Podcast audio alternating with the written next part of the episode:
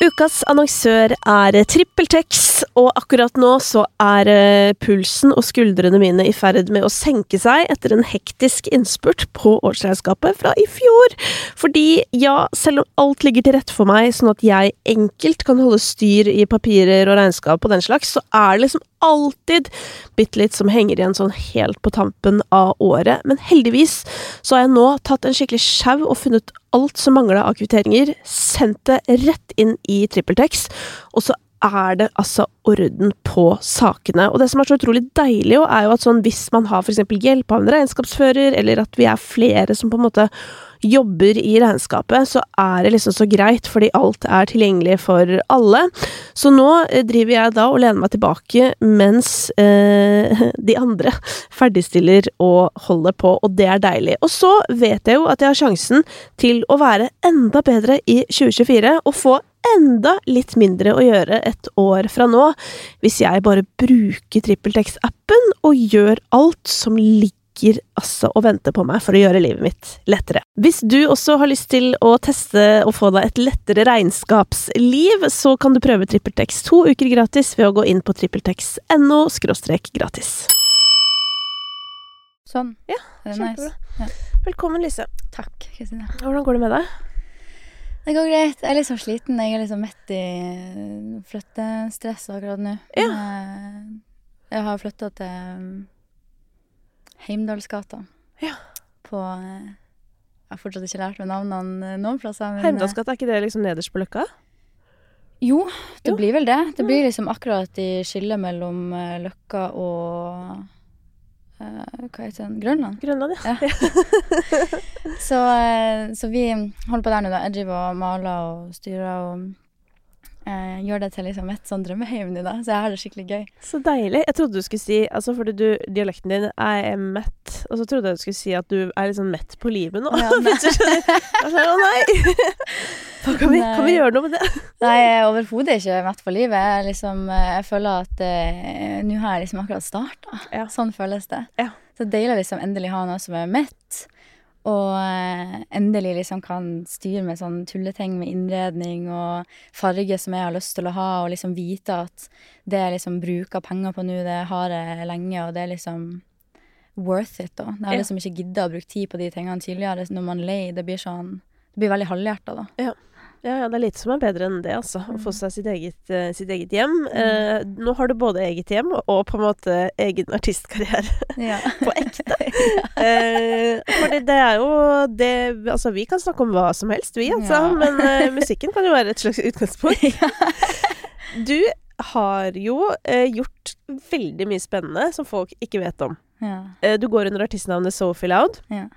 Eh, og det er jo et navn som har dukket opp litt sånn her og der, både som liksom feature, eh, med egne låter. Mm. Um, og så er det også navnet ditt, Alice Mm. Reppe, Ja. eh, som ofte står på sånn eh, Hva heter det? Skapere Skapere, ja. på Spotify. Ja, stemmer det. Under andre sine låter igjen. Mm. Så for liksom de som ikke kjenner til deg fra før, kan du ikke fortelle litt om eh, starten, og hvordan du kom i gang med det som har blitt en ganske mye større karriere enn folk kanskje vet? Mm. Eh, det starta jo på Limpi, sånn egentlig, da. Mhm. Som jeg føler jeg har gjort med en del nå. Ja, det er liksom de siste, hva blir det, kanskje sånn fire-fem åra, så har det Ja. blitt en sånn viktig kanal. Det er fem år siden jeg gikk der. Jeg gikk der 2018 og 2019. Ja. Det Blir ikke fem år siden? Var det det første viktige kullet, holdt på å si? Eller? Ja, vi var prøvekaninene. Vi var skikkelig prøvekaniner. Ja. Og det var, det var så gøy. Det var så sjarmerende eh, måte å gjøre det på. Vi var liksom ingen som helt uh, forsto hva de holdt på med det første året. Eh, så vi var i sånne nedslitte, kanskje kalle det villa en gang, men sånn skikkelig gamle hus i bakken i Lillehammer. eh, der de liksom hadde satt opp sånne eh, studio med bare en sånn gardin imellom, Mm. som var sånn Det her er nice. Og vi var jo bare sånn i ekstase. Jeg var sånn Oh my God, nå får jeg være i studio, og liksom nå er jeg så profesjonell. Og jeg hadde en sånn eh, en sånn annen glød som jeg ikke har funnet siden. Sånn Limpi var bare helt magisk, og alle mentorene som kom inn der. Det hadde jeg jo aldri funnet noen andre plasser. Jeg hadde måttet ha brukt flere tiår på på en måte skape det nettverket sjøl. Ja. Um, så vi brukte jo det for eh, alt det var mm, verdt, meg og liksom mine nærmeste på Limpi. Og um, det var liksom ni måneder med en låtskrivecamp, på en måte, så du ble veldig rutta på å skrive låter, og variere hvem du skriver med. Vi hadde forskjellige utfordringer. Liksom en dag så kunne det Nei, ei uke kunne det være sånn no chord week. Det er som å lage en låt eh, med, uten chords. Og så var det noen ganger så kunne det være sånn eh, Ha et refreng som kun har eh, ei setning og ingenting mer. Så du ble veldig sånn rutta på å liksom få øvd inn en veldig sånn mange kule teknikker på låtskriving, og det å liksom holde ut lenge i studio, ha god tålmodighet, eh, være, bli en sånn bra menneskekjenner, og liksom tilpasse enhver situasjon og med de du er med i sessions med. Så etter Limpi så bare stakk vi til LA, eh, og så Stakk til LA, og så videre. Stakk til LA og så videre, og var der i tre måneder. Eh, og det var beinhardt. Det var skikkelig sånn eh, Da fikk jeg meg et slag i trynet sånn ganske kjapt. Det var sånn Gått på og følt meg som den kuleste personen noensinne i Lillehammer, liksom, med 30 innbyggere. Og bare sånn I rule, liksom. Faen så flink jeg er. Og så kommer jeg dit, og så er jeg bare sånn Helt grusomt. Jeg hadde så mange mental breakdowns um, i sola der. Um, Men hva hadde du sett for deg, da? Altså, Hva var liksom planen ved å dra dit? nei, men du Du romantiserer det jo veldig, da, føler jeg. Og det kommer sikkert an på hvor lenge man har vært i gamet, men da hadde jeg vært i det såpass kort at jeg hadde liksom ikke rukk å innse hvor stor verden er, og hvor mange som holder på med det her, og hvor masse som skal til, på en måte, før du er der du har satt deg et mål, da. Som for så vidt er veldig individuelt, men jeg vil jo på toppen, Ja. Så kommer dit og liksom innser at eh, fy faen, jeg er ei maur. Jeg er den minste maura noensinne, og alle gjør det her. Altså sånn første som skjer når vi kommer på flyplassen og setter oss i taxien, er liksom Yeah, I'm an artist. Altså taxisjåføren. Ja. I'm an artist and a songwriter. Uh, I just hustling, you know. Går på tur på Grand Canyon, eller hva det heter. Runyon Canyon. Kommer folk med business cards og bare 'This is my Instagram if you want to follow me'. Like, I have three different jobs. Og alle er bare så sykt sånn på hustleren, og du bare sånn. Det er ingen håp, på en måte, fordi alle er her og trying to make it. Men eh, det er veldig lærerikt, da. Ja. Fordi det har jo eh, gjort meg litt sånn tykkhuda, føler jeg. Jeg tåler eh, jeg tåler en gang eh, motgang, og så og så er det greit å vite òg, på en måte, hva du har hoppa inn i, og liksom eh, Jeg tror at jeg vet at det kommer til å At det er veldig krevende. Det er et krevende yrke. Og at det kommer til å ta tid, på en måte, før man eh, når de målene man har satt seg. Men at det, det siste man kan gjøre, er liksom å gi opp, da. Så etter LA så har jeg liksom bare um, høsla som faen her i Oslo, da. Skapa masse nettverk og via via, og så sitter den her, da. Ja. Ja. Men f øh, for de som ikke kjenner til det, hva, er den sangen du har vært med å skrive som har blitt størst til nå? Ja. ehm, det er litt eh, Det står mellom eh, Lie to Me av Tate McRae og Alligatory, og så har jeg jo òg gjort en uh, Ive-låt nå, som er sånn koreansk eh, sånn k-pop-gruppe, Mm. som gikk eh, nummer én i hele Korea. Uh, så jeg vet ikke hvilken av de som er størst. Jeg tror det ligger ganske likt. Men egentlig kanskje den i Korea, for den har fysiske salg òg. Ja, og da snakker vi bare på streams, liksom. Uh, Bare på Spotify og YouTube alene så er det vel nesten Det har bikka 150 mill. Ja. Og den har jo ikke vært ute noe lenge. Det er på en måte litt over en måned, to måneder. Ikke sant. Så hvordan den ligger an sånn på fysiske salg, det vet jeg ikke, men jeg vet at eh, de er veldig store på det der, da. Mm.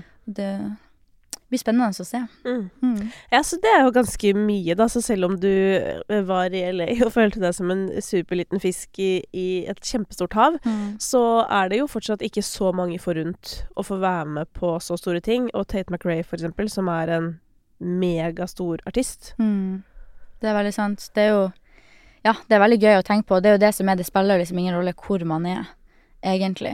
Uh, og det merka jeg jo spesielt etter covid, når man liksom begynte å gjøre Zoom og sånn òg. Alle får jo de samme briefsene, på en måte, hva folk ser etter. Mm. Og noen ganger så hører de bare en låt du har gjort som de syns er kul. Og det var jo sånn det var i det tilfellet, da. Det var bare god timing. Så den låta var jo skrevet for to år siden da. Den kom ut i 2020, tror jeg. Så vi skrev den i starten av 2018 på Olympi, inne på det lille villaen. Og det var faktisk ganske masse drama rundt den låta òg. Jeg bare hadde lyst til å kaste den i søpla. Jeg var litt sånn Hvorfor det? vil Nei, altså det eh, det er igjen sånn, man er så ung og sånn naiv der borte, så det er veldig sånn masse stolthet og sånn i veien som gjerne er veldig sånn ødeleggende for en del låter som kunne hatt bra potensial, da. Men så er det liksom mennesket bak og egoet som er sånn Nei, vi skal altså ikke gjøre det sånn, og vi skal ikke ha den personen med fordi jeg har gjort det her, og eh, det er kun jeg som skal sette på låta, og for, skal ikke ta en flere, skal ikke dele splits, skal ikke ditt, skal ikke datt. Så det var veldig mye drama rundt det, da, for jeg selvfølgelig hev på et par ekstra på låta for å liksom gjøre henne best mulig, da. Det var liksom ikke så veldig populært for alle. Men det er jo all good nå, da, Ja. selvfølgelig, når den har fått den plasseringa den har, skulle du si. Men eh, ja, den hadde jeg bare lyst til å kaste i søpla. Jeg hadde ikke lyst på den sjøl engang. Jeg var sånn, jeg er ferdig med den. Jeg husker Amund eh, Bjørklund.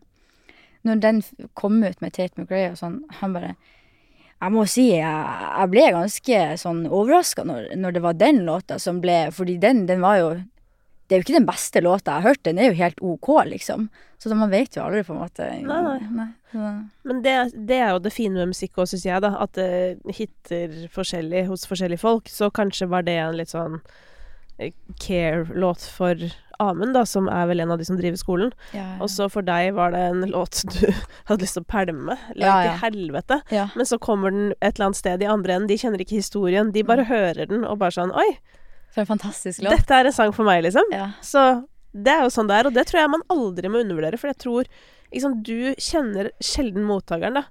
Så Ja. du kan ikke liksom så, Men for det lurer jeg på i forhold til dette med du sier brief, å få en brief, da. Dette er noe av det Mm. gøyeste, syns jeg. Eller noe av det som interesserer meg mest med hele musikkbransjen. Dette handler jo om da Det er litt sånn som vi driver med pitchekonkurranser i vår bransje, da. Mm. Hvor det blir sendt ut sånn Nå trenger Rihanna sånn her og sånn her type musikk. Ja. Og jeg har to spørsmål. Det ene er hvordan i helvete får man tilgang på disse brifene? Hvordan blir man en av de som får den, hvis du skjønner? Blir invitert til pitchen. Eh, og det andre er selvfølgelig hvordan jobber man den? Kan du ikke ta et eksempel fra noe du har gjort i det siste? Uh, jo, altså Det hjelper jo å ha publisher, for eksempel. Eller et management som er godt inn i det. Men uh, vi jobber med eh, noen i LA nå som er på publishinga mi, da, og da sender de gjerne ut en eh, brief som er sånn eh, Rehab har lyst til å gjøre en låt med Eller Snake har lyst til å gjøre en låt med de her og de her artistene, som for eksempel Det kan være Katy Perry eller noe sånt. Og så I Snakes tilfelle, da, så er det veldig sånn Han vil ikke ha låter som er for negativ. Han vil ikke ha låter som har banningsord i seg. Han vil ikke ha låter som er for seksuelle. Eh, så det er veldig sånn spesifikt. Og så kommer han gjerne over med De sender gjerne over og liksom flere linker da på låter som har inspirert han i det siste, eller han vil ha et sound som ligner litt på den låta fra 1970 noen plasser, og så vil han ha noe som ligner mer på den låta fra 2010. Så det kan jo være veldig vanskelig av og til å liksom skjønne hvordan man skal jobbe rundt en, en sånn type greie. Og for å være helt ærlig, det er kanskje det verste jeg vet. Sånn, jeg hater det så masse å få briefs, fordi det er så vague. Det er så sykt sånn Det er A&Rs, sant? Ja, ja. Og ikke diss, det er ikke en diss til A&Rs, men av og til så skulle jeg ønske at de kunne sitte i et studio sjøl og liksom lese over briefen som en låtskriver og være sånn Gir det her mening? Fordi det er ofte det ikke helt gjør det. Så man må liksom ta det med en klype salt og på en måte kanskje plukke ut den ene tingen i briefen som gir mening for deg, da. Og jeg prøver liksom ikke ta det så veldig bokstavelig, alltid. Eh, Det føler jeg har funka for meg, da. For når du liksom blir boksa inn, så syns jeg det blir så lite kreativt, og da sliter jeg veldig med å bli inspirert. Men skal jeg sjøl, noe? Ja. Um, men ja, da Og så er det jo ofte at de ikke bruker det i det hele tatt, for de fleste briefsene er jo sånn Sånn som Medusa når de var store. Alle vil ta det, på en måte, inkludert Medusa. ja. Men så, ok, det var et dårlig eksempel, fordi Medusa gjør veldig sånn Medusa-greier fortsatt. Men du skjønner da, når du har en stor hit, så vil du gjerne ha en ny som høres akkurat likens ut. Mm. Men på briefs, briefen så står det ikke det. Nei, det står noe står helt annet. måte liksom at vi på en måte vil ha noe Ja. men sannheten er jo at de ville bare ha det de hadde Ja. hatt. Ja. Så de, de er veldig sånn Vi prøver nå Ja. å få noe skikkelig annerledes og kult. Så briefen er egentlig veldig misguiding, syns jeg. I hvert fall ut ifra det jeg har opplevd, da. Mm. Og så ender de jo opp med noe som er helt prekk likens som Mm. det forrige de ga ut. Så det er litt sånn, skal jeg bruke tid på de briefsene jeg får? Eller skal jeg bare lage musikk jeg liker og syns er kul, og så sende av gårde det og være sånn her? Jeg tror ikke de merker Om du fulgte brifen? Nei. Nei, det, det tipper jeg helt sikkert. Og sånn med mindre det er noe sånn der vi må ha en interpellation av denne sangen, på en måte. Da er det kanskje litt annerledes. Ja, selvfølgelig. Hvis noen hadde sendt ut det. Men det her ligner jo helt sykt på min bransje. For jeg hadde Ja. en sånn Det var sånn helt legendarisk uh, greie jeg var på for litt siden, hvor Um, vi er liksom samlet en gjeng, da, så skal vi få presentert basically en brief, da, sånn 'Dette trenger vi fremover'. Og så på slutten så kommer det liksom en sånn Et lite stikk, på en måte, da, fra avsender, som er litt sånn Og forresten, eh, veldig fint hvis vi etter hvert kan begynne å bruke kjendiser til noe de kan. Liksom. Litt sånn diss til all reality hvor kjendiser gjør ting de ikke kan. Men så er det sånn Det eneste dere sender, er jo program med kjendiser som gjør ting de ikke kan! Ikke diss oss. Ikke diss oss produsentene. Det er jo dere som kjøper det. Og det blir liksom akkurat det samme, føler jeg, som med musikken. Sånn der, her kommer de jo bare 'Vi vil ha det sånn og sånn og sånn'. Og så bare sånn, Men dere vil jo ikke det. Nei, fordi det, det er Så ikke nå det. sitter vi og bruker masse tid på ting dere ikke vil. Fordi dere Det er jo ikke dette dere kjøper. Nei, det er veldig sant. For de vil så gjerne, liksom. Jeg skjønner at de vil bli annerledes, og å, vi har så lyst De har et eller annet ideal om hvordan de vil være og sånn. Ja. Men altså, for meg er det jo bare rart å i det hele tatt høre at sånn DJ Snake liksom sender ut brief. Eller Mm. skjønner du? Fordi sånn Da jeg ble kjent med DJ Snake, holdt på å si, hele Mm. musikken hans, så var han jo ingen, på en måte. Eller det er bare så sykt rart, mens nå er det på sånn Og det syns jeg også er så rart, hvor fort det går. ja. Det Hvor fort liksom sånn Robin Schultz plutselig ikke lagde sangene sine selv, eller det bare er sånn og det er rart hvordan man bare kommer til et punkt der man bare sånn Sånn Robin Schulz, alt han gjør er bare å liksom stå på skateboard med dama si og spise god mat og liksom kjøre kule biler og gjør jo sikkert litt musikk i ny og ne, han òg, sånn som han har lyst til, men det er jo ikke han som på en måte sitter og fullfører sine egne ideer og sender ut de her briefsene, da. Han eh, Nei, Han er jo et navn hvis musikk blir gitt ut under, og det her er det rareste, fordi han har jo virkelig satt seg så jævlig opp eh, på en nice måte. mm, Fordi ingen vet hvem han er heller. Nei, det er Ingen. sant. Det er sånn Finn en som vet hvordan Robin Schultz ser ut. Jeg bruker han alltid som eksempel på sånn Spotify-artist, som jeg kaller det. Som har bare sånn jævlig mange streams. Ingen veit hvem han er. Nei, ikke jeg heller. Ikke før jeg dro nå. Vi var på en sånn Robin Schultz-camp nå nylig. Og da først begynte jeg å tenke på det. Jeg bare shit. Jeg hører på han hele tida. Hvem er han? Jeg bare sånn, hvordan ser han ut? Ja. Jeg ante ikke. Så jeg var nødt til å gå på Instagramen hennes og bare snoke litt. Og så var jeg sånn, oi. Han ligner ikke på Eller han, han så ikke sånn ut som jeg trodde han skulle se ut i det hele tatt, på en måte. Nei. Han er bare en spinkel, søt liten fyr, liksom, med sånn skikkelig jævlbleka hår og solbriller. Og ser litt sånn shy, shy boy ut. Men var, var han på campen, da? Ja, han og en del andre fra det managementet som Robin er i, de var der, men de var jo ikke med i session. Altså, Nei. de var jo bare og kosa seg i byen med Tok med seg damene og hadde ferie, liksom. Og så kunne de liksom dukke opp eh, når det passa de, da. Så vi satt jo bare og liksom eh, skrev musikk til de og eh, Kanskje Jeg håpa jo selvfølgelig at jeg skulle få møte de. Eh, vi dro jo på en sånn strandfest der de spiller, der han spiller og sånn, da, og fikk liksom stå Var så heldig å få stå backstage der, da. Kjempekult. Liksom. Uhu. Ja, det var veldig Ja, det var, men det var fortsatt kult, og det er kult å få muligheten, bli invitert, liksom. Ja. Men, ja.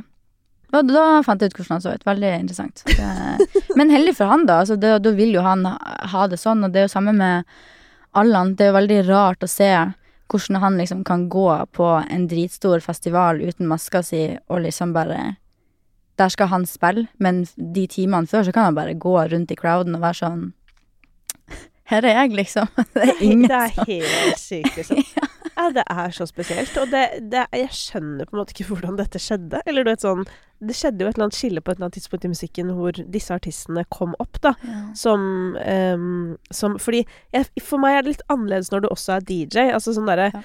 at, at Rihanna får låter skrevet til seg. Hun er jo formidler, så hun må jo stikke og fremføre de og alt det der. ja. Men uh, at på en måte DJs hvis eneste ting er jo på en måte Eller de ble jo kjente fordi de produserte musikk. Mm. og så på en måte slutter de med det. Det er bare Ja. så rart. Det er jo det er egentlig to veldig forskjellige verdener, sånn når man tenker over det, fordi som artist, eller som DJ, da, så har jeg liksom lært i det siste at eh, teksten er liksom ikke like nøye, så lenge de føler seg kul når de står på scenen. De må, bare, de må bare føle at 'å, fy faen, det her er fett'. Nå ser folk på meg, og de syns at jeg er dritkul nå. Jeg føler meg kul. Ja.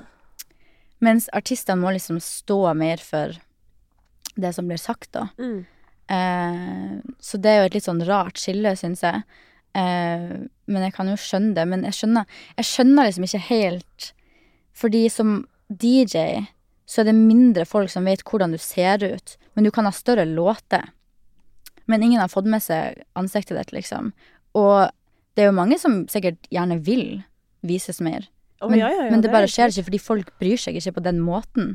Men det er jo fortsatt de låtene man hører nesten mest på, om du Mm. skjønner. Men så har du jo artistene som kan ha mindre streams, men er veldig mye mer synlige. Og det syns jeg er veldig interessant, egentlig. Ja, da, det ser vi jo her hjemme òg, på Ja. alle russe... Nå har jo på en måte eksempel Baalin valgt selv å ikke synes, da.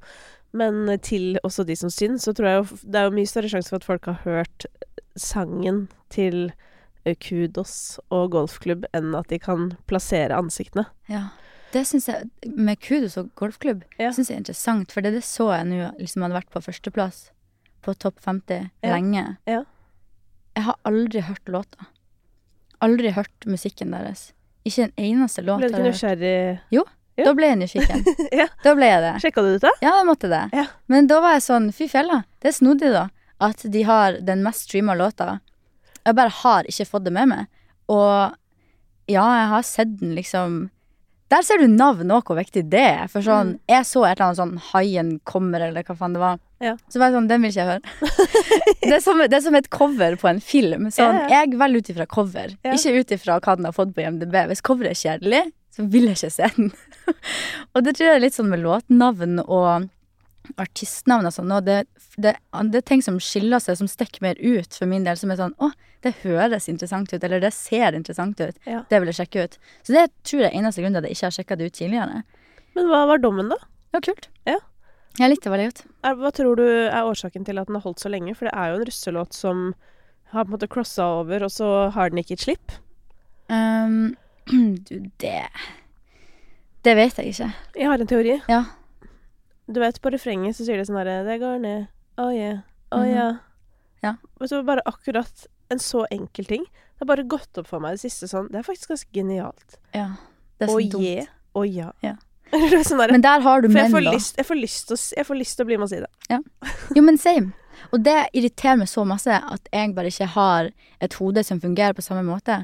Fordi menn i studio Det, bare, det føles ut som verdens simpleste ting. Det er bare sånn Ja, det går ned. Å yeah, oh, ja. Så står de der og bare Å, fy faen, det er jævlig fett, da. Og så gjør de det, og så er det dritkult. Og alle bare har det gøy og kødder. Mens jenter føler jeg er så sykt mye mer sånn komplisert i hodet. Det foregår så sykt masse mer da. Mm. Og overtenk absolutt alt, liksom. Som gjerne gjør at ting blir liksom ikke like fengende av og til, tror jeg. Fordi man har liksom kanskje brukt litt for masse tid på å liksom tenke på det, istedenfor å være sånn Det enkle er ofte det beste, på en måte. Ja, men der tenker jeg jo at det innimellom også kan være en fordel, og nå snakker jeg ikke nødvendigvis om disse, liksom, altså fordi de jeg kjenner ikke til deres musikalske bakgrunn, men innimellom det der at gutta liksom er bare, du vet, guttagjengen, og så hopper den ene etter andre på mikrofonen, og det at man kanskje ikke har noe erfaring noen ganger, kan jo gjøre at det bare oppstår noe sykt fett. Ja, Fordi det på en måte skjer noe i gåsetegn feil, men Det- så er det det som blir det kule. jeg er enig. Og det er jo veldig inspirerende, egentlig. Eh, det, det var jo samme med David eh. Mokel, ja. Mm. Sykt kult. Jeg digger eh, måten han har gjort ting på, på en måte. Og jeg tror ikke han har vært noe i musikken tidligere. Nei, og det føler jeg jo igjen. Ikke sant? Litt sånn eksempel på at det blir jo det samme som det du sa. Du drar til LA, og du tror du er fetest ever. Så når du er på Olympi, ikke sant. Du har the time of your life, fordi Ja. du har ikke den kanskje kritiske stemmen eh, som har kommet på siden, da. Nei. Altså, jeg trodde jo jeg skulle bli statsminister da jeg var sånn 17, liksom. Og jeg skjønte For meg, i mitt hode, det var ikke noe sjanse for at det ikke skulle skje. Det ga 100% mening. ja, ikke sant? Og oh. det er jo liksom sånn for, hvert, for hver måned som går, da, så skjønner du liksom at du ikke er så lur som du først trodde. Åh, ja. Så den er jo lei. Ja, men jeg, jeg savna litt av den attituden som jeg tror mange menn har da. Sikkert mange damer òg, men jeg har det ikke, i hvert fall. Mm. Eller jeg hadde det før. Når jeg liksom var ikke nødvendigvis ung, men ny i gamet, på en måte. Når du ikke har brukt mange timer på det ennå. Mm. For de sier jo det at liksom, jo flere timer du bruker på det, jo dummere føler du deg, på en måte. Og så kommer det til et punkt der det faktisk blir bedre, da. Men man må jo øve for å bli god. Og i starten så var jeg ikke god, men jeg savna den der selvtilliten jeg hadde, som var sånn Jeg er uslåelig, og alt jeg gjør, er helt fantastisk. Og alt høres bare dritbra ut, og jeg lager de beste låtene, skriver de beste tekstene. Og nå er jeg ikke der lenger i det hele tatt. Men det er jo litt den undergrunnenergien også. Eller skjønner du? Den derre Vi er gjengen, liksom. Ja. Og fuck alle dere andre, og hva dere eventuelt måtte holde på med fordi vi bare gjør denne tingen, og det er dritfett, liksom. Ja, bare være i sin egen boble, på en måte, og liksom ikke ha så veldig masse fokus på verden rundt. Tror Mm. det kan være til ganske stor hjelp av og til. Men det er jo lettere òg hvis man er en gjeng, tenker jeg. Ja. Og der har jo du på en måte valgt eh, Det har jo du valgt bort, da, for Ja. å si det sånn. Ja. Både i kraft av at låtskrivertingen du, Det er jo noe du gjør alene, selv om du jobber på forskjellige team og sånn, men du er jo alene. Ja. Og du er også soloartist. Så Ja. du er deg. Ene og alene. Ja. Sånn ble det. Ja. kan jeg angre senere. Nei da. Men, men eh, du har jo også holdt på med artistprosjektet ditt fra starten, Ja. på en måte. Um, hvordan har eh, Altså, hvilket fokus har du hatt på det å skulle bygge deg som artist, da? Uh, opp mot det som låtskriver? Um, det har vært litt sånn uh, vanskelig, syns jeg, fordi um, når jeg begynte på Limpi, så eh, kom jeg inn dit med liksom eh, tanken om at jeg var artist og låtskriver, og så var det en liten periode der jeg mista flammen min litt, og så var jeg sånn, nei. Nei, da er jeg ikke låtskriver, da, fordi jeg kan ikke skrive låter. Eh, fordi jeg suger. Eh, så da er jeg kun artist. Og så syns jeg det var kjempekjipt. Eh, føles eh, feil, det òg, på en måte, når man har den der store gleden å skrive for andre òg, da. Eh, og det som vi snakka om, det, det føles fort veldig ensomt hvis du kun skal fokusere på dine egne ting. Og det liker jeg ikke i det hele tatt. Så jeg har på en måte tatt på meg den, da, at jeg vil gjøre begge delene, så å prøve å liksom balansere det. Syns jeg har vært veldig utfordrende, men jeg har på ingen måte lyst til å gi opp noen av de, liksom. Fordi jeg er en performer, og jeg syns det er kjempegøy å performe. Og jeg, jeg har så veldig mange ting som jeg har lyst til å gjøre, som jeg vet ikke hadde passa inn i noen andre sin verden, på en måte. Eh, og så samtidig så har jeg jo lyst til å skrive for andre, da, og være eh, sosial, liksom. Det er min måte å være sosial på. Jeg har jo ingen andre. Jeg gjør ingenting annet enn å være i studio, så å på en måte gi opp det og kun sitte med mine egne ting, det ville fort ha blitt utrolig kjedelig, tror jeg. Så utfordringa er jo på en måte at det er ikke nok timer i døgnet, egentlig, til å gjøre begge delene sånn 100 Mm. eh, Og det er fair, men eh, så skal det òg sies at jeg er jo dritlykkelig uansett, på en måte, fordi jeg får jo gleden av å stå opp og gå i studio hver dag og være med mine favorittfolk i hele verden og fokusere på meg sjøl samtidig. Så det er liksom ikke noe første og andre rekke. Det står liksom helt likt, på en måte. Så det spiller liksom ingen rolle hvor lang tid det tar med verken den ene eller den andre tingen, fordi jeg skal gjøre det her livet ut. Mm. Noen har jo nevnt til meg opp igjennom at sånn det derre At en utfordring ved å være både artist selv, men også låtskriver for andre, kan være at når du kommer inn i sessions da hvor musikken skal lages, eh, at det kan liksom være litt sånn uryddighet i forhold til sånn hvem, hvem skal vi skrive for i dag? Altså om man kan stole på at artisten ikke plutselig skal ta sangen selv, hvis man egentlig sitter og skriver for noen andre, eller sånne Mm. ting. Er det noe du har kjent på? Ja, absolutt, men eh, det er jo egentlig en veldig enkel måte å fikse opp i det på, og det å være eh, mer tydelig, da. At man kommuniserer fram før session at den her session går til det. Og hvis jeg har lyst til å skrive til mitt eget prosjekt, så er jeg veldig nøye på å si det en gang for masse før session begynner, enn en gang for lite. Mm. Fordi det er ganske kleint å komme i session, og så får du det spørsmålet, spesielt når du ikke er Sara Larsson, liksom. Eh, ja, hva, hva skal vi gjøre i dag, liksom? Skal vi skrive til deg, eller skal vi skrive til pitch? Eh, da har ikke jeg sånn veldig masse selvtillit til å være sånn Nei, jeg har lyst til å skrive til meg. Mm. Sånn, hvis de allerede har vært sånn, skal vi skrive til noen andre, så er jeg sånn Ja, vi kan godt, eh, vi kan godt skrive til noen andre. Mm. Oh. Ja. Da blir jeg litt sånn, så nå er jeg veldig tydelig på det. Jeg har liksom lært uh, at uh, det er det beste. Uh, Det kjenner jeg meg også veldig igjen i. Så hvis jeg pitcher en idé et eller annet sted, Ja. og så spør de sånn herre Ja, hvem var det du tenkte at skulle gjøre dette, da? Ja. Sånn der, liksom. Mm. Og veldig ofte så pitcher jeg jo ikke noe jeg selv har lyst til å gjøre. Men eh, så det er også sånn jeg har begynt å måtte tenke nøye gjennom på forhånd. Sånn ok, hvis det spørsmålet dukker opp, er den ideen knyttet til meg, liksom? Eller er den ikke det, da? Og nå er den jo i 99% av tilfellene ikke det. mm. Men du vet de der noen de små babysene som du bare kjenner sånn Det her Dette er mitt, liksom. da, da svir det litt inn i, i hjerterota når man liksom føler at folk ikke helt ser den, på en måte. Ikke, Mm. ikke deler din visjon. Men herregud, man må jo bare være supertydelig på det, da, og så får man jo bare stå veldig på sitt. Eh, for jeg tenker at alle har jo et valg uansett. Mm. Om, om jeg, jeg er veldig tydelig før en session at jeg vil skrive til mitt prosjekt, og det er det vi pitcher inn. Hvis de ikke har lyst til det, så er det helt fair. Men da har jeg i hvert fall eh, vært tydelig, så det er ingen misforståelser, liksom. Nei. Men ja, det er ubehagelig. Og det er ubehagelig å liksom være i en sånn um, fase der øh, Man er liksom ikke en Jeg er ikke en artist som streamer eh, sånn kjempestort, liksom. Så jeg skjønner jo òg at det er vanskelig for folk å liksom skal ta det valget, da, om de har lyst til å bruke tid på det. Tilfelle det ikke blir så bra. Mm. Eh, det er jo mange faktorer som spiller inn. Kanskje låta ikke blir bra, og så blir den ikke gitt ut i det hele tatt.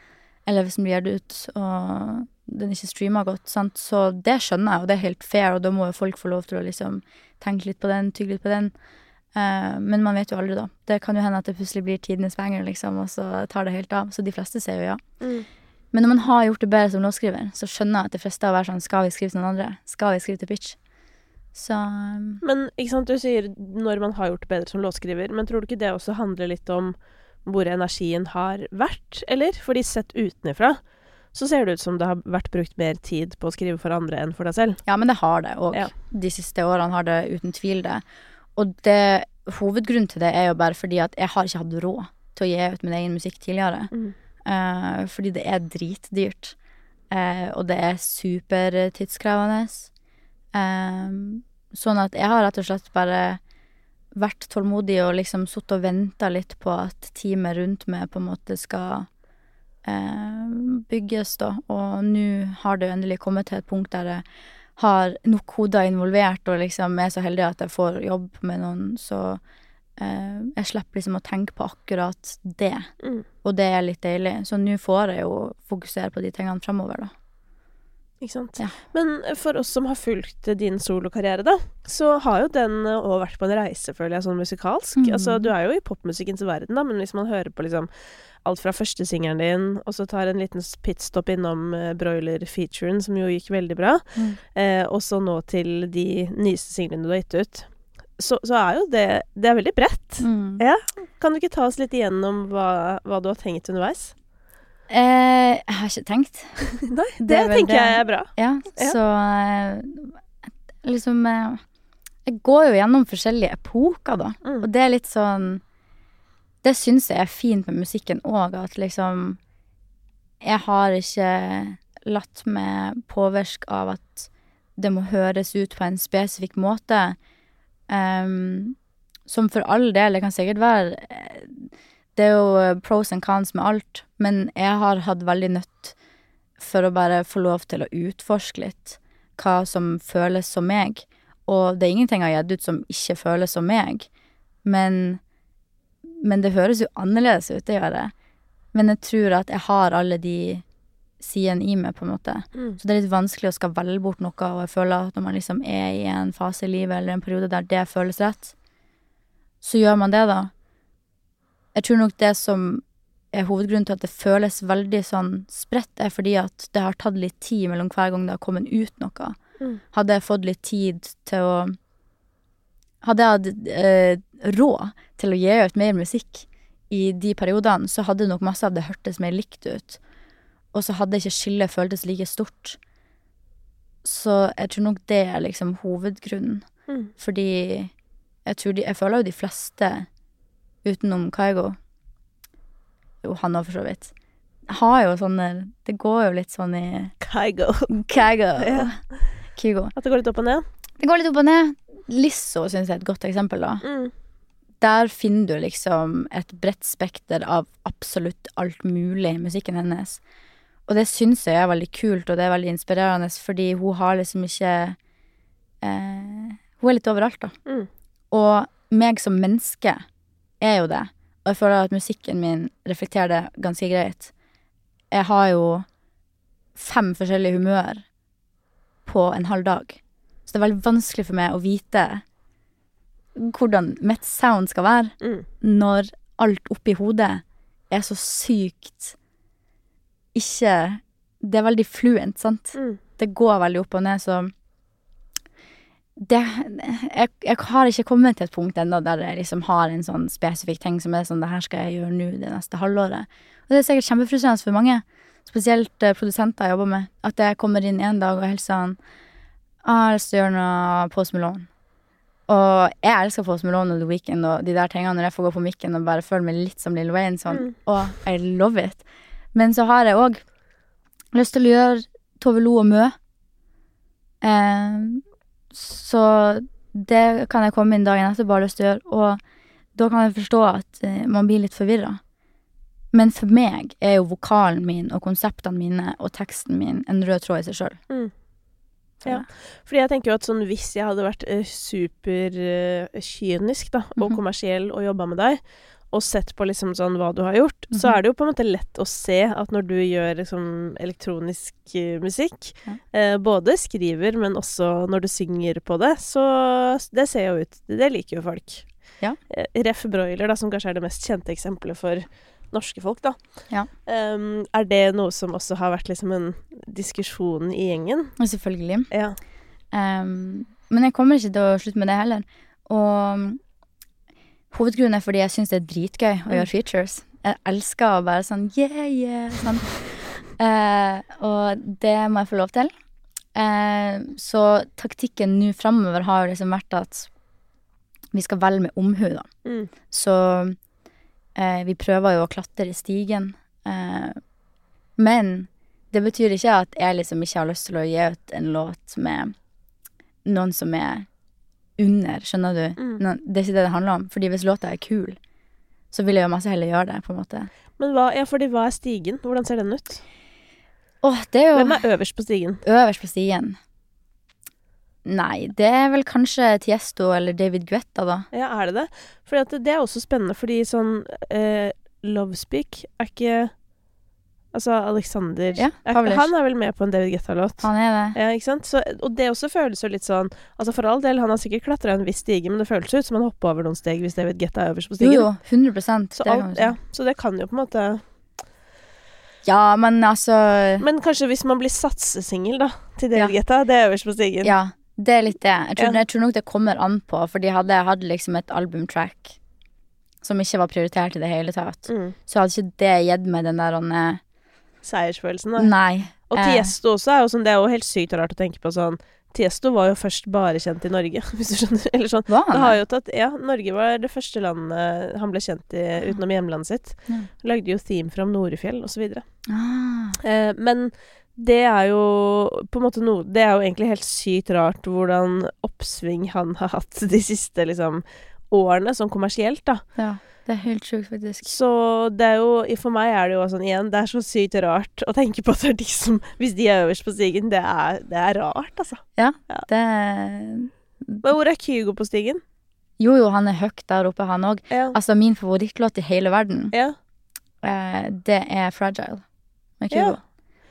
Ingen Yes. låt over, ingen under. Nei, mener du det? Ja. I verden Nei, for det, jeg, jeg kom på at uh, en av mine favoritt-Kygo-låter er faktisk en sang som heter 'Broken Glass'. Ok, den tr sikkert hørt, men jeg kommer ikke på. Nei, for den dukka plutselig opp i en, en av spillelistene. Eller selv om It Ain't Me er jo kanskje min favoritt, da, men jeg er Mm. jævlig lei den, for jeg har hørt den 9000 ganger. Men eh, nei, den Broken Glassen er veldig undervurdert. Ja, den skal jeg høre på. Er det, er det pianobladet, det òg? Eh, nei da, det er ikke ballade, det er classic Kygo. Og det er det som er at jeg liker best Kygo når Kygo ligner på sånn han var på starten. Mm. Altså ikke dritflink, på en måte. Eller sånn Mm. at det liksom teknologisk var litt på halv tolv. Ja.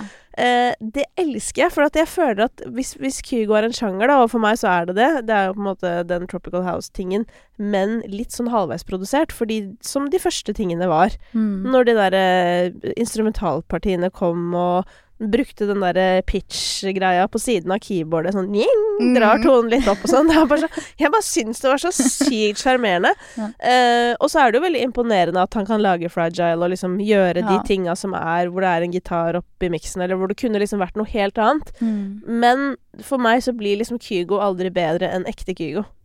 Nei. Der er jeg gammeldags. Jo, jo, nei, men jeg skjønner deg 100 Det er jo det som på en måte eh, breaker han òg, liksom. Så det er veldig normalt å liksom henge seg opp i det som gjorde at du først forelska deg i artisten, og liksom gå rundt og håpe at de skal komme tilbake med Ja, Han trenger ikke å komme tilbake til det for min del, men jeg, det er mer at det er bare sånn når, når, jeg, altså når gamle Kygo dukker opp, da, Ja. da syns jeg det er hyggelig, liksom. Ja, det syns jeg òg.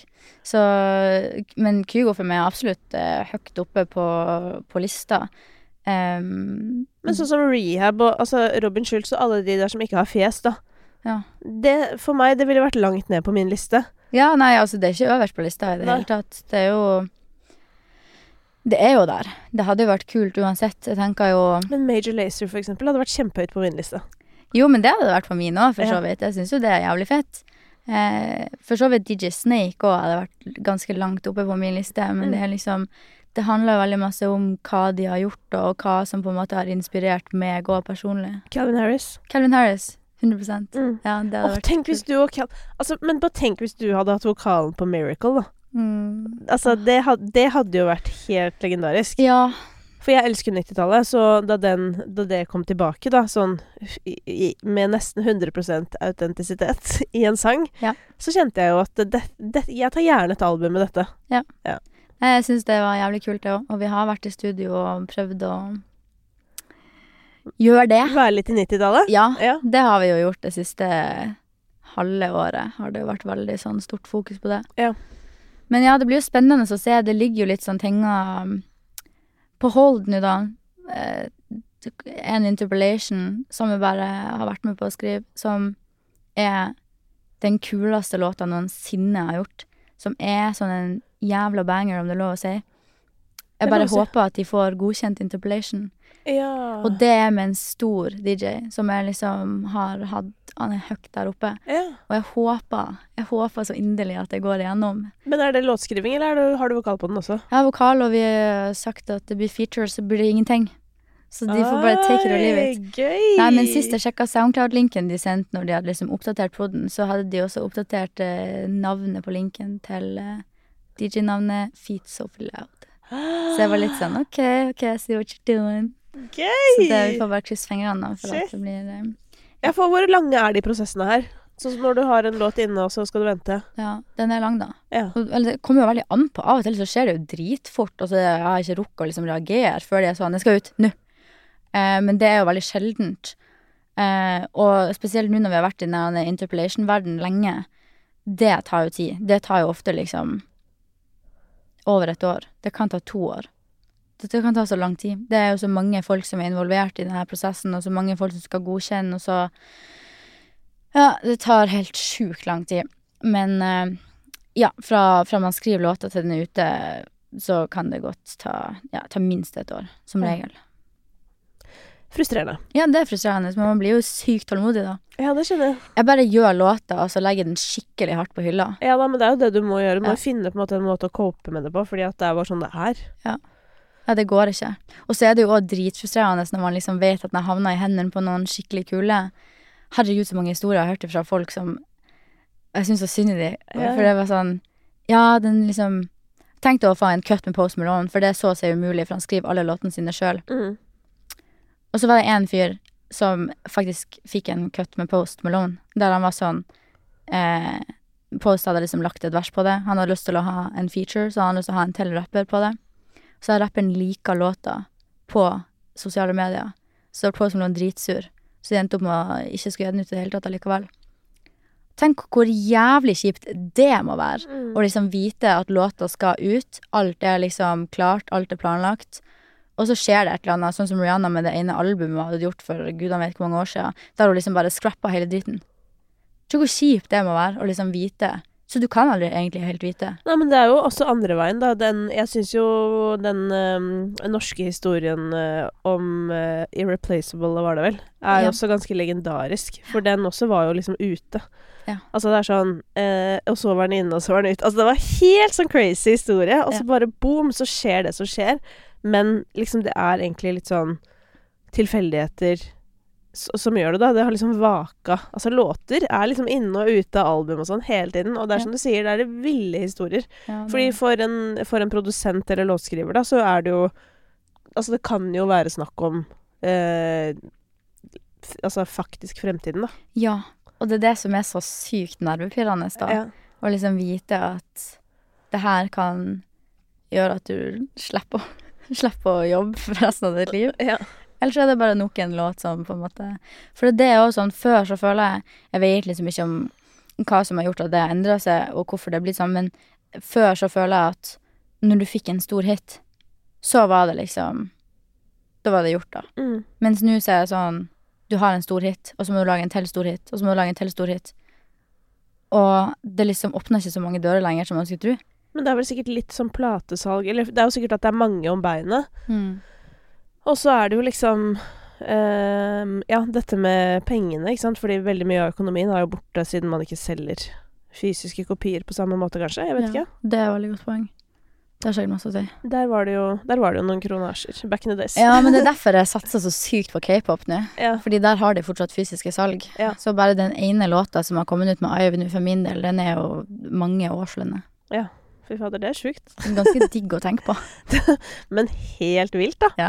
Fy søren, men så gøy. Ja, det er sykt deilig. Men ikke sant, du eh, Så når du da Altså en del av det du skriver, eh, selv om det også er deg, liksom, Mm. men er jo kanskje litt mer Hva skal jeg si oppesen for tiden enn en det du gir ut selv, da. Mm. Eh, så når du f.eks. gjør features da, og sier at denne mystiske låta du snakket om, kommer ut, og så går folk inn og sjekker musikken din, og så er den på en måte litt mer eh, Litt mørkere, kanskje. Mm. Um, hva tenker du skal til for å liksom fange de Altså for å få de til å forstå at sånn Dette er hele deg, og de skal sjekke ut begge deler?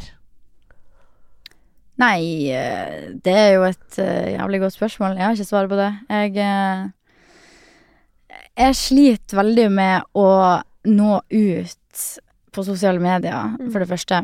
Jeg har ikke lyst til å gjøre sosiale medier. Det er jo et stort problem. Jeg har bare lyst til å eh, knuse telefonen min. Eh, og så har jeg lyst til å leve på 70-tallet. Eh, uten alt det som skjedde på 70-tallet. Så jeg har bare lyst til å leve i tid der telefoner og elektronikk ikke fantes. Så der har jeg et problem. Det er litt sånn Jeg vet at jeg har en stor jobb å gjøre når det kommer til å liksom ha et litt mer sånn cleanere look på mange ting, som gjør at det er enklere for folk å forstå hvem jeg er og hva jeg gjør. Uh, og det kommer sikkert til å ta ganske lang tid før jeg har skjønt hvordan å knekke den koden, fordi det som jeg sier da, jeg er litt rotete, og jeg liker å gjøre masse forskjellige ting, og jeg sliter veldig med å finne ut hvordan å liksom bare være én ting for folk, når jeg føler at jeg har så mange ting. Hvis jeg først skal vise noe, da, så vil jeg liksom ikke vise den ene tingen kun, og det sliter jeg litt med. Så eh, målet mitt fremover har jo vært liksom å prøve å liksom legge litt mer fokus på akkurat det. At liksom hvordan å finne ut og nå ut til folk og liksom gjøre det litt mer klart og tydelig hvem jeg er og hva jeg gjør, og hvordan å liksom holde tak på de folkene som kommer for å sjekke meg ut, liksom. Um, og musikken som kommer fremover fra mitt eget prosjekt, føler jeg er med på den endringa at liksom Sånn som den første låta som kom ut nå Det blir feil å si, men etter det er signert med label, da, Mm. så kom det ut en låt som heter Always Choose You, som var veldig sånn mørk. Den måtte ut av systemet, og Mm. den var sånn Den ville jeg ikke på en måte legge på hylla fordi den betyr så masse for meg. Uh, og den eh, reflekterer jo en stor del av meg, samtidig som jeg kan skjønne at folk ikke helt ser den når alt det andre jeg har vært med på, er veldig der oppe. Men den måtte ut. Så jeg føler at det neste som kommer Den, den som kom etter det igjen, var liksom hakket mindre mørk. Mm.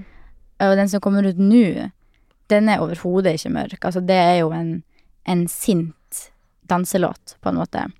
Så den tror jeg at folk kan høre etter å ha hørt en sånn type feature, da. Og Mm. være sånn This makes sense. Det blir broen inn til resten. Ja, jeg liksom prøver på det, da. Så får Ja. vi se. Det, jeg syns det er vanskelig. Eh, og så merker jeg òg at eh, selv om at jeg ikke Jeg vet ikke om jeg har ADHD, jeg tror jeg er sikkert egentlig helt normal, men jeg føler at når det er mange hoder involvert i prosjektet mitt, og mange har forskjellige tanker og meninger om hvordan ting skal gjøres, så vil ikke jeg gjøre noe. Nei. Da vil jeg bare drite i alt. Um, så der har jeg òg noe å jobbe med, da. Ja. Ehm, Ja, For det gjør det kanskje ikke noe lettere for de andre som Nei. tenker at de bidrar. Nei. Du vet bare sånn Hva med dette, hva med dette? Du bare åh, ja, sant. Utrolig dårlig egenskap å ha. Jeg jobber veldig hardt med det. Det er ikke sånn at jeg ikke gjør noe. Men det sitter langt inne, da. Jeg Mm. blir veldig sånn dritunge i hodet mitt der det blir sånn Åh, må alle sammen ha en mening, og kan ikke alle bare holde kjeft, og liksom Og så vet jeg at sånn This is their job. Mm. Eh, og de gjør det for å hjelpe meg, og Det er vel kanskje egoet. Det er vel kanskje stoltheten det gjør noe med, da. At liksom, jeg har ikke svaret på alt sjøl, og av og til så må man liksom bare holde kjeft og ta eh, konstruktive tilbakemeldinger, Mm. og jobbe litt med det. Fordi det er jo jeg som har valgt å gjøre det her, på en måte. Men du drar i hvert fall i studio hver dag, som jeg tenker er sånn eh, Som jo også har blitt nevnt i dette forumet mange en gang, men at sånn det viktigste er jo at man lager sanger. Ja. Altså fordi hvis sangene er der, Ja. alt det andre kan man få hjelp til. Ja, man kan det. Og det, akkurat det der, det syns jeg er sånn et privilegium. At, at jeg liksom kommer til det punktet nå der jeg får lov til å liksom fokusere på det som jeg syns er artigst i hele verden, som er å lage musikk. Mm. Og bare henge i studio og være studierotte og reise. Og møte masse nye folk og ta del i kjempeartige, kule camps og alle de her tingene. Det er jo det jeg vil gjøre. Og så vil jeg selvfølgelig opptre. Men alt det andre, sånn businessrelaterte greier, har, jeg har ikke lyst til å gjøre det i det hele tatt. Det føles som skole for meg. Jeg blir helt sånn Jeg blir stressa. Eh, så det føles veldig Jeg føler meg veldig heldig at jeg liksom kommer til et punkt at det trenger ikke jeg å deale med. 100% i hvert fall. Må selvfølgelig deale litt med det, Mm. men sånn Det er andre folk som tar, tar største delen av jobben, da. Mm. Det er deilig. Men har du noen gøyale camper coming up? Eh, nå kommer jo eh, publisheren min fra LA denne uka, så nå skal vi jo ha camp her i Oslo, da. Oi. Som er em, Da bruker han å komme, og så har han eh, Sist så hadde han eh, litt sånn briefs til Rihanna, på, også Post Malone, DJ Snake, Rehab. Fordi han eh, jobber med Rehab og, og DJ Snake. Em, han produserer for de. Eh, og for de som ikke vet, så er publishinga mi er med Rehab nå, da. Så Ja. Rehab har liksom starta en publishing som heter noe som jeg ikke kommer på akkurat nå, fordi jeg skal alltid til å si Askap. Jeg skal alltid til å si Askap, men Askap er noe helt annet. Jeg er så dårlig med navn. Men uansett, da. Astra. Eh, så han har liksom starta den, så det betyr ikke at jeg kun skal gjøre låter for han, fordi de pitcher selvfølgelig rundt de også, men han har jo veldig god pull, da, for han kjenner jo folk, han har kjempebra nettverk, og så er det jo ikke han som er A&R-en min, Mm. men han har valgt å starte. Han har lagt pengene sine i det, da. Så det er publishinga mi, og da blir jo masse av fokuset rehab, DJ Snake og litt sånn DJ-stuff, men det er også gøy å liksom fokusere på pop og liksom de mer store artistene, da. Mm. Så det er fokuset nå. Og um, så får vi se framover. Jeg har liksom akkurat vært på en camp, um, og det er litt um, Jeg blir litt sliten av å reise. Ja. Blir det. Ja, altså jeg blir nysgjerrig. Ja. Eller det kommer an på hva slags type reising. Men uh, jeg blir ikke sliten av å være på norgesferie, hvis du skjønner. Men, men sånn uh, jobbreise som bare ding, ding, ding, ding. Ja. Ja. det er noe annet. Det, det føles annerledes. Ja. Så det tar litt mer på. Og jeg reist De siste årene har jeg reist så sykt masse. Og det har vært skikkelig, skikkelig gøy. Og eh, jeg skal fortsette med det, men jeg bare må ha en liten sånn puster, liksom. Mm. Fordi eh, må ta vare på eh, hodet. Ja, og så er det jo noe med Kanskje det viktigste, og kanskje grunnen for meg i hvert fall til at reising kan være intenst, er jo at du er jo tatt ut av det trygge du har hjemme, Mm. ikke sant? Og den du bor med, kanskje, og på en måte hjemmet ditt, alle disse tingene. Og, og er jo på en måte mer sånn på vakt i Mm. forhold til å levere som menneske. Eller skjønner du at sånn Fordi det er fremmed, og du skal jo skrive låter, så du må jo på en måte helst imponere noen. Altså det er jo litt sånn Ja. Det er jo åpenbart mer krevende enn eh, livet der hjemme. Det er dritslitsomt. Og så går jeg Ja, ja jeg går rundt og samler Altså hvis det er ei uke, da, så går jeg hele den uka fra jeg står opp til jeg legger meg hver dag og sammenligner meg med absolutt alle. Og jeg er superstressa for å ikke gjøre et bra inntrykk, så jeg er sånn overhyggelig. Eh, og så Yes, yes! Sånn I can do it! Superblid. Jeg skal ikke være den som går hjem fra studio først. Eh, hvis det liksom Og det kan være sånne teite ting som for eksempel når vi har sånn felles pauser og sånn, eh, når man er på eh, låtskrivercamps, så møter jeg jo opp på den pausen av ren respekt, for jeg er sånn De har ordna mat til oss. Selvfølgelig må jeg møte opp og spise maten. Og så får jeg høre Yeah, this group, uh, they're not showing up because they want to keep on working with the song. Så blir jeg sånn, å herregud. Det er det jeg også skulle gjort. Det er det jeg også skulle gjort. Jeg skulle bare sulta og sittet og jobba på den jævla låta istedenfor. Og så sitter jeg og tenker på det hele lunsjen. At det gjøres en god jobb, for her skjer det å spise, sant. Eh, så man blir jo helt tullete i hodet av de her tingene, og da er det digg å liksom få en liten breather og liksom samle hodet litt og liksom lande litt før man eh, gjør det igjen. Ja. Fordi det er ikke sånn supersunt i lengden. Nei, Det er det ikke. Nei, I hvert fall ikke hvis man gjør det på den måten der. Nei, det er jo åh, ikke bra i det hele tatt. Nei, men Det var litt sånn du snakket om, da, at kanskje snart så kommer det opp til det antallet med timer hvor det begynner å snu, da. Hvor det går an å kanskje begynne å forholde seg til det på en litt annen måte igjen. Jeg gleder meg til jeg liksom blitt såpass privilegert at jeg har såpass mange låter ute at det er sånn Jeg kommer der og bare sånn Jeg skal ha det sånn og sånn og sånn. Ja. Jeg skal jobbe med de og de og de. Og så bare mekk-smekk. Og Ja. alle bare Ja, ja, ja, ja, ja. We fix. Ja. Det gleder jeg meg til. Og dit skal du. Ja, ja, ja. du skal til toppen. Jeg skal til toppen. Ja. Har du noen tidsplan på det? Nei, det har jeg absolutt ikke. Eh, gjerne fortest mulig, selvfølgelig. Men eh, det er jo litt vanskelig å vite når, det, når neste låt er rundt hjørnet. da. Jeg får jo ikke styra det på en annen måte enn å liksom fortsette å være i studio og liksom velge med omhu hvem jeg jobber med, da. Ehm, og så har jeg helt lagt ifra meg det her å liksom bare ha helt randome sessions med folk, bare for å ha en session. Det gjør jeg overhodet ikke lenger. Uh, sånn at nå når jeg går i studio og har en session, så er det jo gjerne retta mot noe veldig spesifikt. Ja. Uh, det skjer ikke at jeg går i studio nå og sier sånn Hva skal vi skrive i dag? Mm. Vi har alltid en plan, på en måte. Så bare jobb målretta, da. Tror jeg liksom the plan. Høres ut som en god idé. Ja. Når kommer neste singel? 14. juli. Det, er, eh, det er straks, da. Ja, det er rett rundt hjørnet, det. Gøy. Da Ja. gleder jeg meg til sint eh, dansing. Jeg er spent på hva du vil synes om den. Ja, det er jo sint dansing. Det første låta jeg tenkte på, er eh, New Rules av Dua Lipa. Ja, Er du enig i at det er sint dansing? Ja, det kan jeg være enig i. Ok, da, da blir det veldig spennende å høre. Jeg gleder meg masse. Takk for at du ville komme. Takk for at jeg fikk komme. Um, vi må jo følge opp denne. Altså, jeg mener, det var jo Det ble slengt ut noen noe agn her, føler jeg. nice. Det er notert, for å si det sånn. Ja. Godt å høre. Ok, men da ses vi, da. Ja, det.